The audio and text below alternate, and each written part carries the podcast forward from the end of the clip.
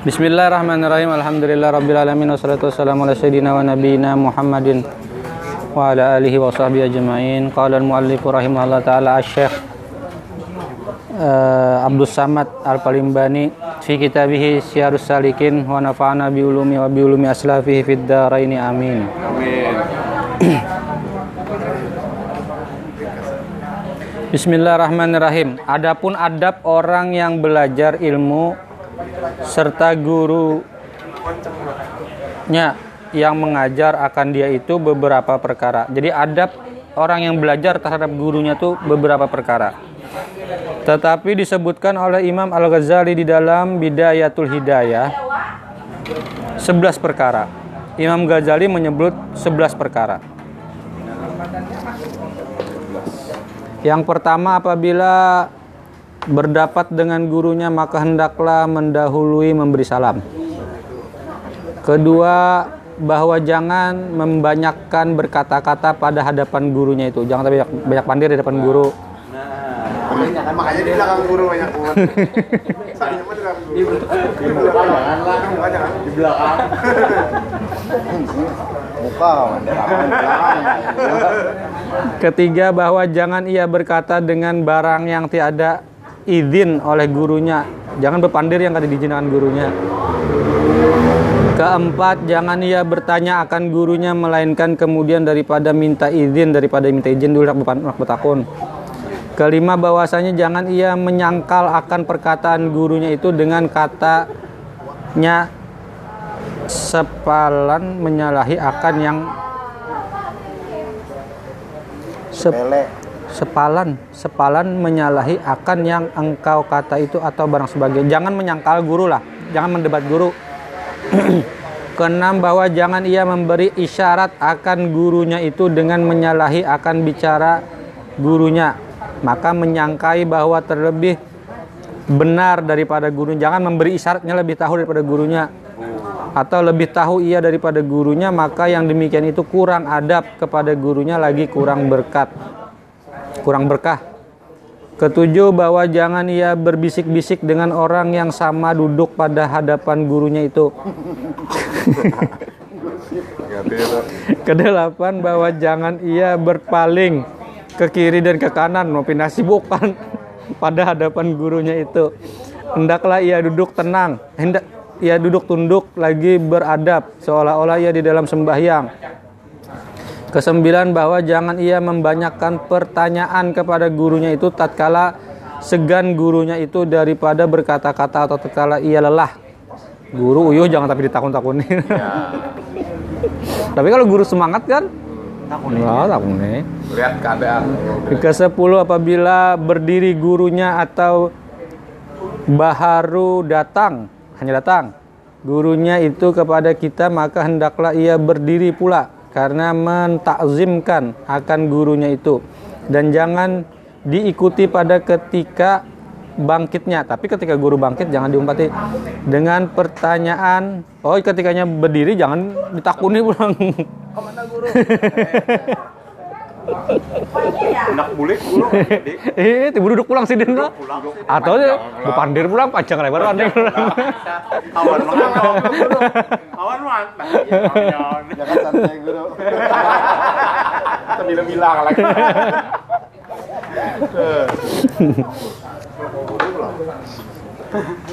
Dan jangan bertanya masalah pada ketika ia berjalan, jangan bertakun sambil berjalan. Oh hingga sampai kepada tempat duduknya itu melainkan karena darurat kecuali darurat. Maka yaitu tiada tertegah bertanya di dalamnya. Kalau darurat kada apa-apa. Penting mana nih? Harus disampaikan kan? Atau ditanyakan? Jadi jadi sambil berjalan kada apa-apa takut nih. Ke sebelas jangan jahat sangka jangan buruk sangka. Akan gurunya itu pada segala perbuatannya. Apa bahasanya pak? Maya terat guru jangan buruk sangkawan guru dalam misal guru ini pindah menyalahi nih kelakuan ini pada nang diajarkan jangan main itirat. Yang zahir menyalahi tikatnya atau bersalahan perbuatan gurunya itu dengan pengetahuannya atau dengan adatnya. Karena gurunya itu terlebih tahu dengan segala hukum syarak dan segala rahasia syariat. Itulah. Itu itu adab artinya kada sampai. Apalah. Adab tuh vokal lembang lah. Tapi kan kada mesti jo itu kita karasiakan ke orang lah. Adab menggawi bagus lah. Dapat berkah tapi mun kita karasi lawan nabi kan lawan badui badui itu bang. Iya. badui badui itu kan tahu di adat lalu lah lawan nabi kan ya Muhammad ya lah Buat apa kalah lagi? Cuma nyembuka kunci. tapi nyembuka kunci ya artinya ini bisa dipakai dalam kasus Kurang baduy. kayak orang kadua. Tapi bagi yang tahu kan kayak ini adabnya kayak itu adalah Ah, tapi kadang kawa kita menyalahkan orang kamu kada beadab ya ini rasa kada beadab lah baduy bisa Paham dua lah. ya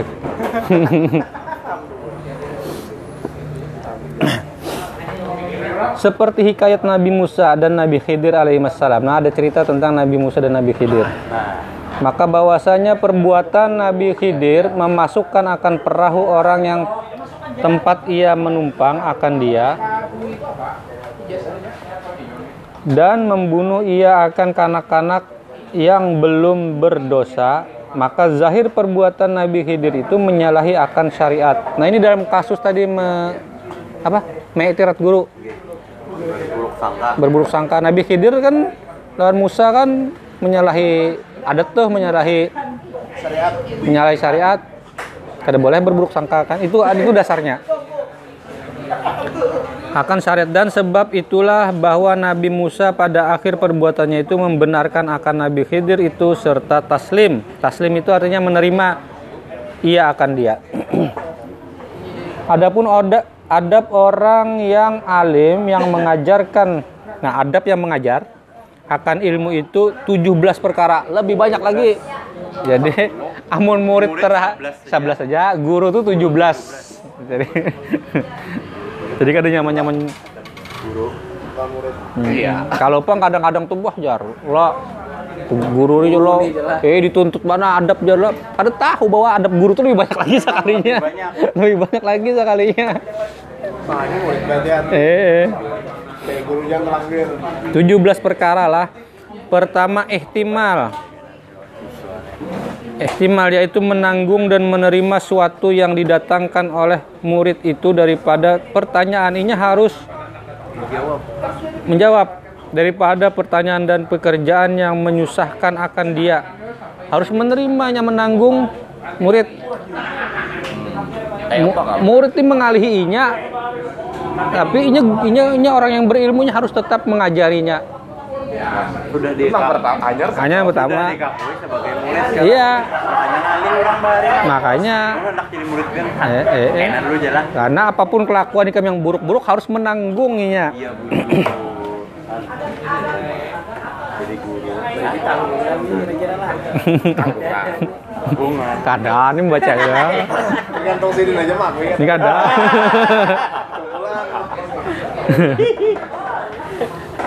pekerjaan yang menyusahkan akan dia yakni hendaklah ia bersifat dengan sabar.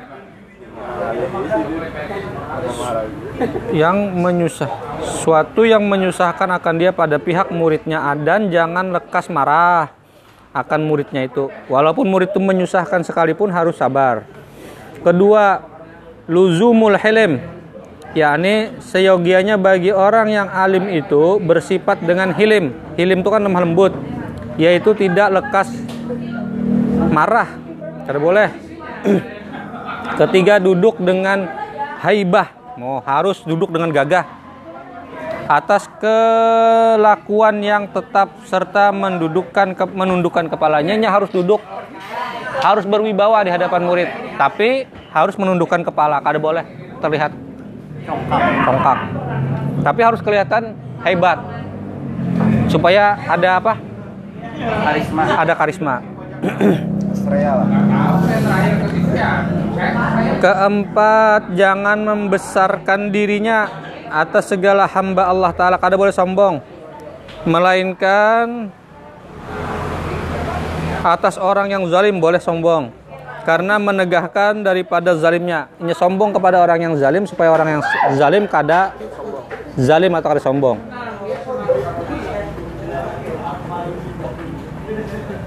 kelima memilih tawadu yaitu merendahkan diri pada perhimpunan. Di tengah orang banyak harus tawadu. Dan pada hadapan orang banyak harus tawadu. Kopiannya anu jarlah uh ada apa ya kadang ada ada lah. Ci, apa? Isyarat tawadu itu adalah So- soal di hati itu kan urusan. Ini bisa memancing keujuban memancing. Ada ada aja, cuma pengen tahu ya. Jadi paling kadangnya harus memberi isyarat tawadu. Soal di dalam hati urusan yang lain.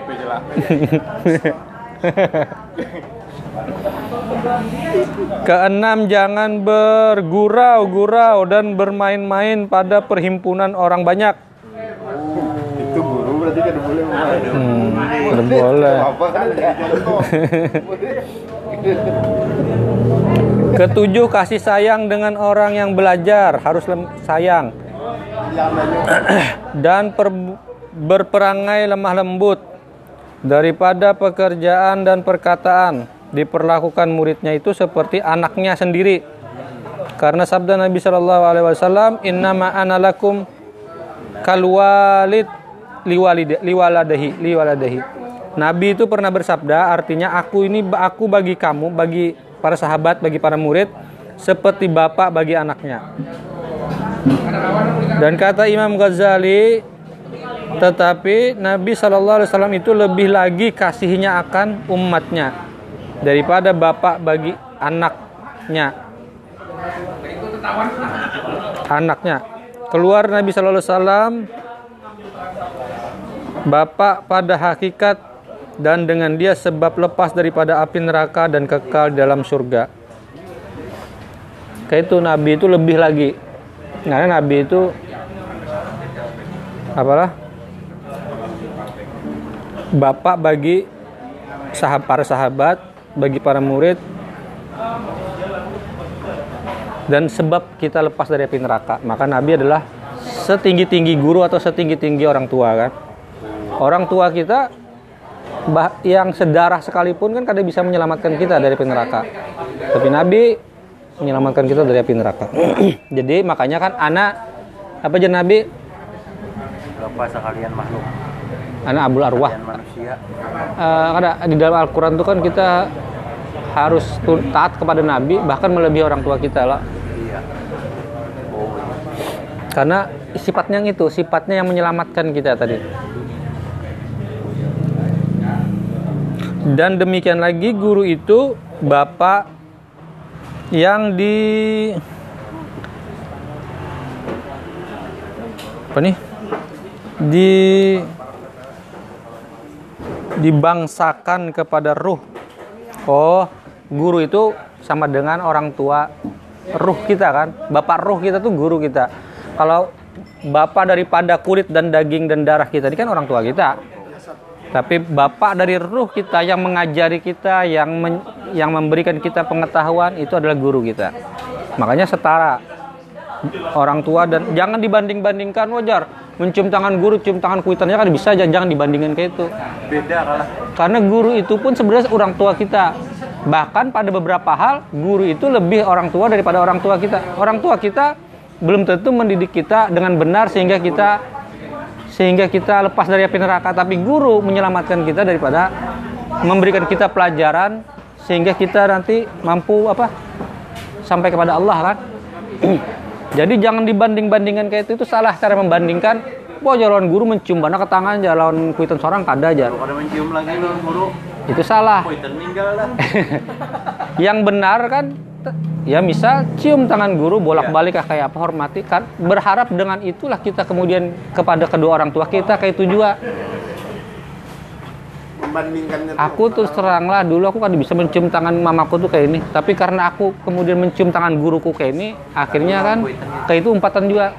Artinya kan ini memberi manfaat. Bermanfaat. Bermanfaat. Jadi jangan dibanding-bandingkan kayak itu. Udah lawan guru mencium tangan bolak-balik jar.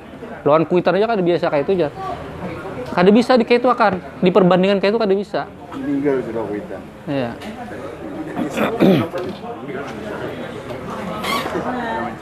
Dan ini adalah orang tua kita secara roh lah.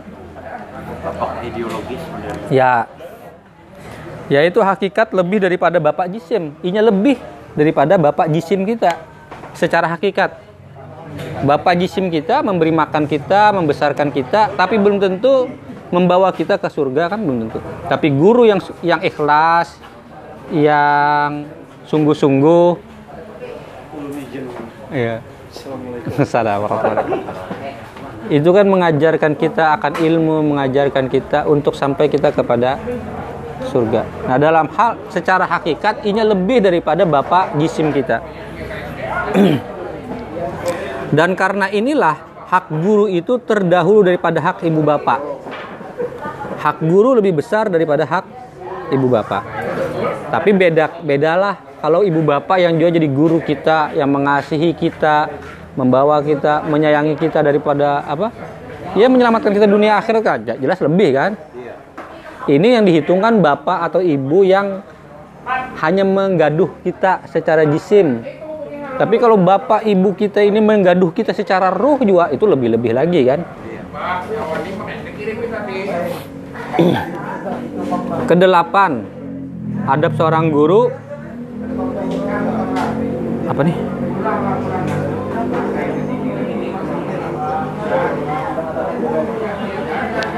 Me- menanti dan memperkasat dengan perlahan-lahan atas pertanyaan. Oh, ini harus menunggu murid yang bertakun tuh walaupun lambat, kada jelasnya harus Sabar lah. harus sabar. Orang yang dungu. Jadi karena ini murid ini kan tapi pintar, bepandir lambat, nang ditanyakannya kada jelas, harus sabar menunggu sampai tuntung pertanyaannya. Atau orang yang bebal, murid ini bebal, betakun tepulalit pulalit, bolak balik tebolak balik sudah dipadahi kada paham paham juga, harus menantinya, menunggu, harus menunggu dan memban membaikan dan membetulkan dan harus membenarkan akan pertanyaan orang yang dungu dan orang yang bebal itu dan menunjukkan akan jalan kebajikan dan jalan yang benar dan meninggalkan marah dan menggu apa nih?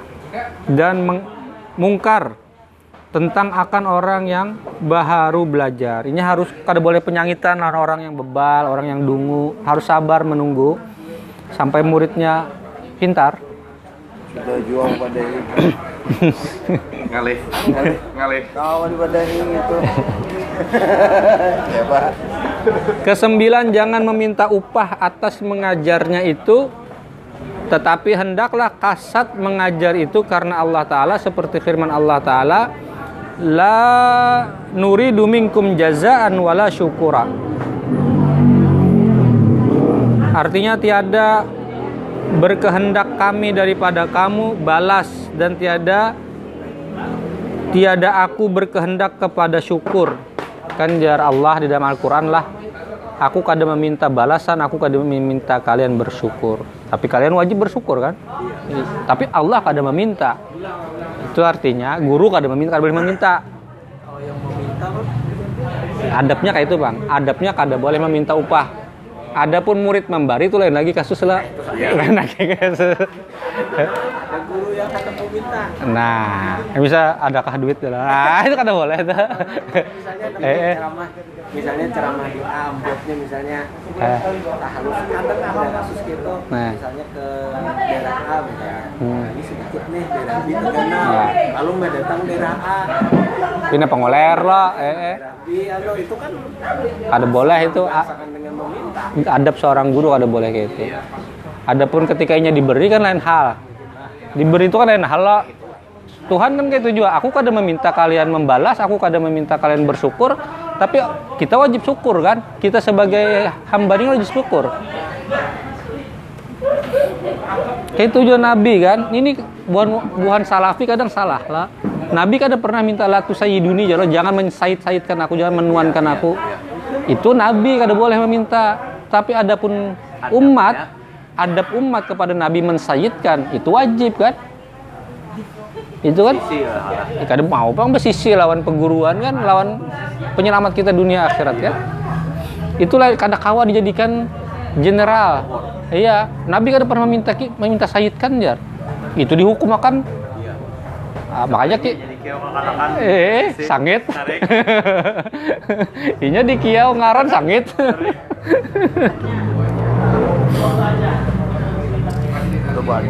Itu itu adab nabi lah. Jadi de- eh, analog dengan ini itu adab nabi. Tapi bukan berarti kita kada boleh meng- mensayidkan nabi.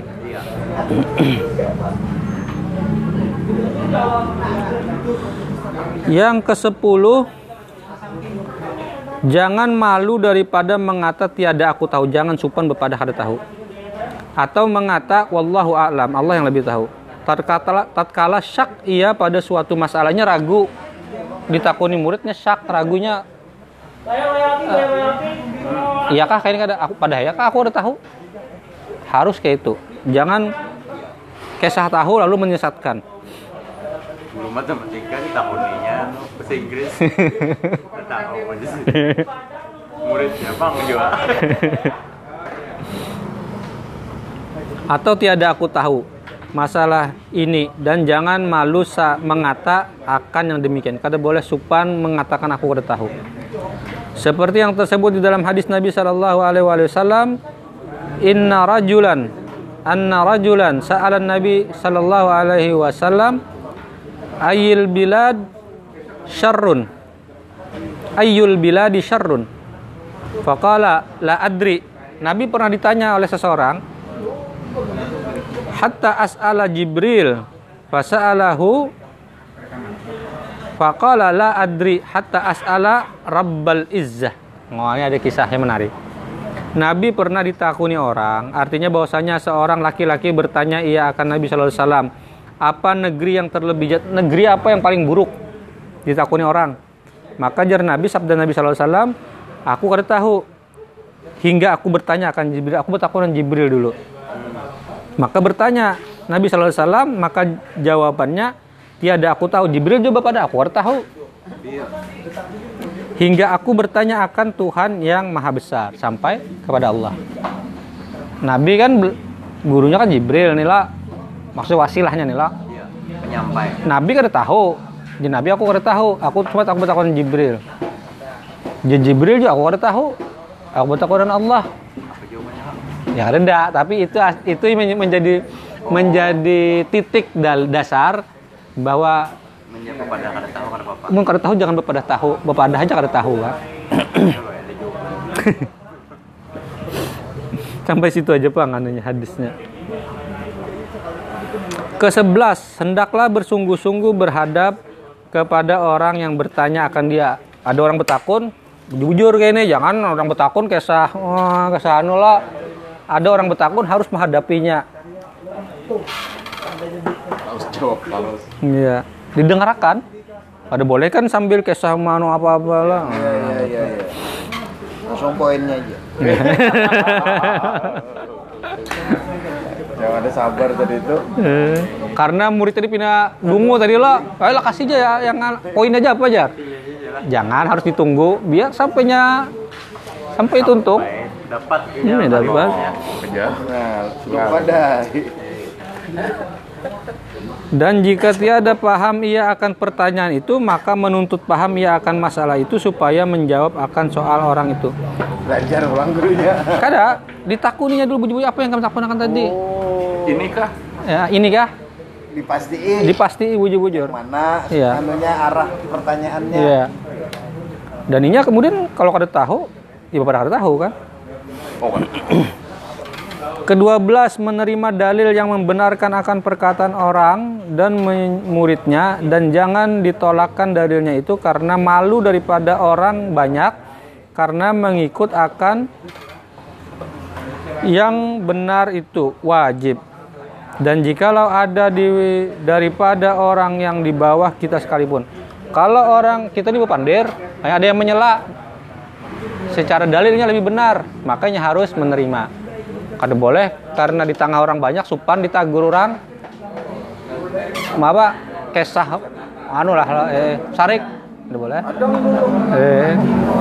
Inya salah salah ditagur orang, orang ini udah lebih benar argumentasinya, dalilnya harus menerimanya.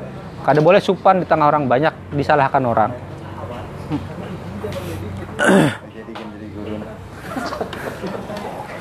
Ketiga belas mengikut kepada yang benar dengan kembali kepadanya. Ketika tersalah ia pada sesuatu daripada masalah atau lancar lidahnya kepada sesuatu yang bukannya dikehendakinya. Ia harus mengikuti yang benar ketika ia tersalah. Kelancaran kepasihan bepandir itu salah lah. harus mengikut yang Kena barangnya. Iya. Ditagur orang sangit. Ya, kena untung. Iya. Tapi menagur kan ditakuni juga. Dalilnya apa lah menagur? Nah, sama aja kan yang menagur salah juga. Kada kawan dia no. Eh. Tapi kalau ketika yang menagurin lebih bujur, dalilnya kuat, ya harus nerimanya. Keempat belas menegahkan ia akan orang yang belajar ilmu yang memberi mudarat akan dia. Inya kada boleh menerima yang memberi orang yang cagar memberi mudarat kepadanya. Bolehnya menolak. Orang yang cagar memberi mudarat kepadanya. Menegahkan akan orang yang belajar eh kan menegahkan mencegah ia akan orang yang belajar ilmu yang memberi mudarat kepadanya. Kelima belas, menegahkan ia akan orang yang maksud dengan belajar ilmu yang memberi manfaat akan yang lain daripada Allah Ta'ala. Inya juga, ya tadi kan yang semalam lo, bila orang tuh tahu belajar bukan karena Allah, bukan untuk mendapat ilmu yang manfaat, inya jangan kayak gitu. lah. Ini boleh menolak. Jadi jawab ilmu ikam. Jangan di sini. Ke-16 hendaklah ia menegahkan akan orang yang belajar ilmu yang fardu kifayah dahulu daripada selesai mengetahui ilmu fardu ain. Ini juga harus mencegah orang yang hendak langsung belajar ilmu kifayah. Ini harus menukan dari fardu ain dulu. Ya. 16. Bermula fardu ain itu yaitu membaikkan ayah akan zahirnya dan batinnya itu dengan takwa.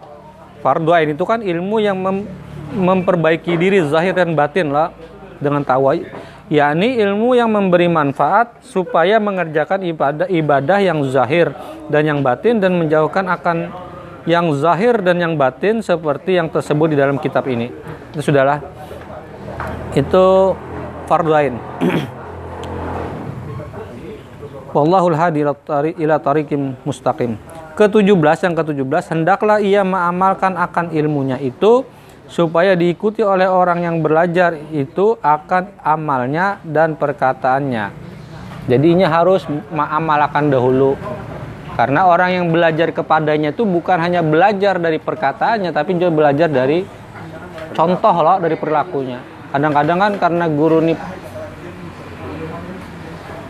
kada apa antara ilmu dan amal kada imbang lah disampaikan ini tapi yang digawi ini eh, apa? Kada klop lo. Itu adab guru lah. Adab murid kada boleh itirat kan wabillahi taufik wal hidayah. Assalamualaikum warahmatullahi wabarakatuh.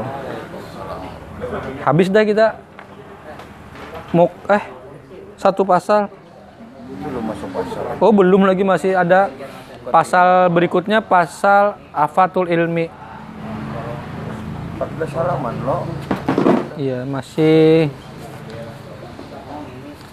masih satu dua enggak enggak tiga masih empat halaman lagi. Eh tapi ini yang terakhir sebelum masuk bab pertama. Mudah-mudahan manfaat bagi kita berata Anyar teknikal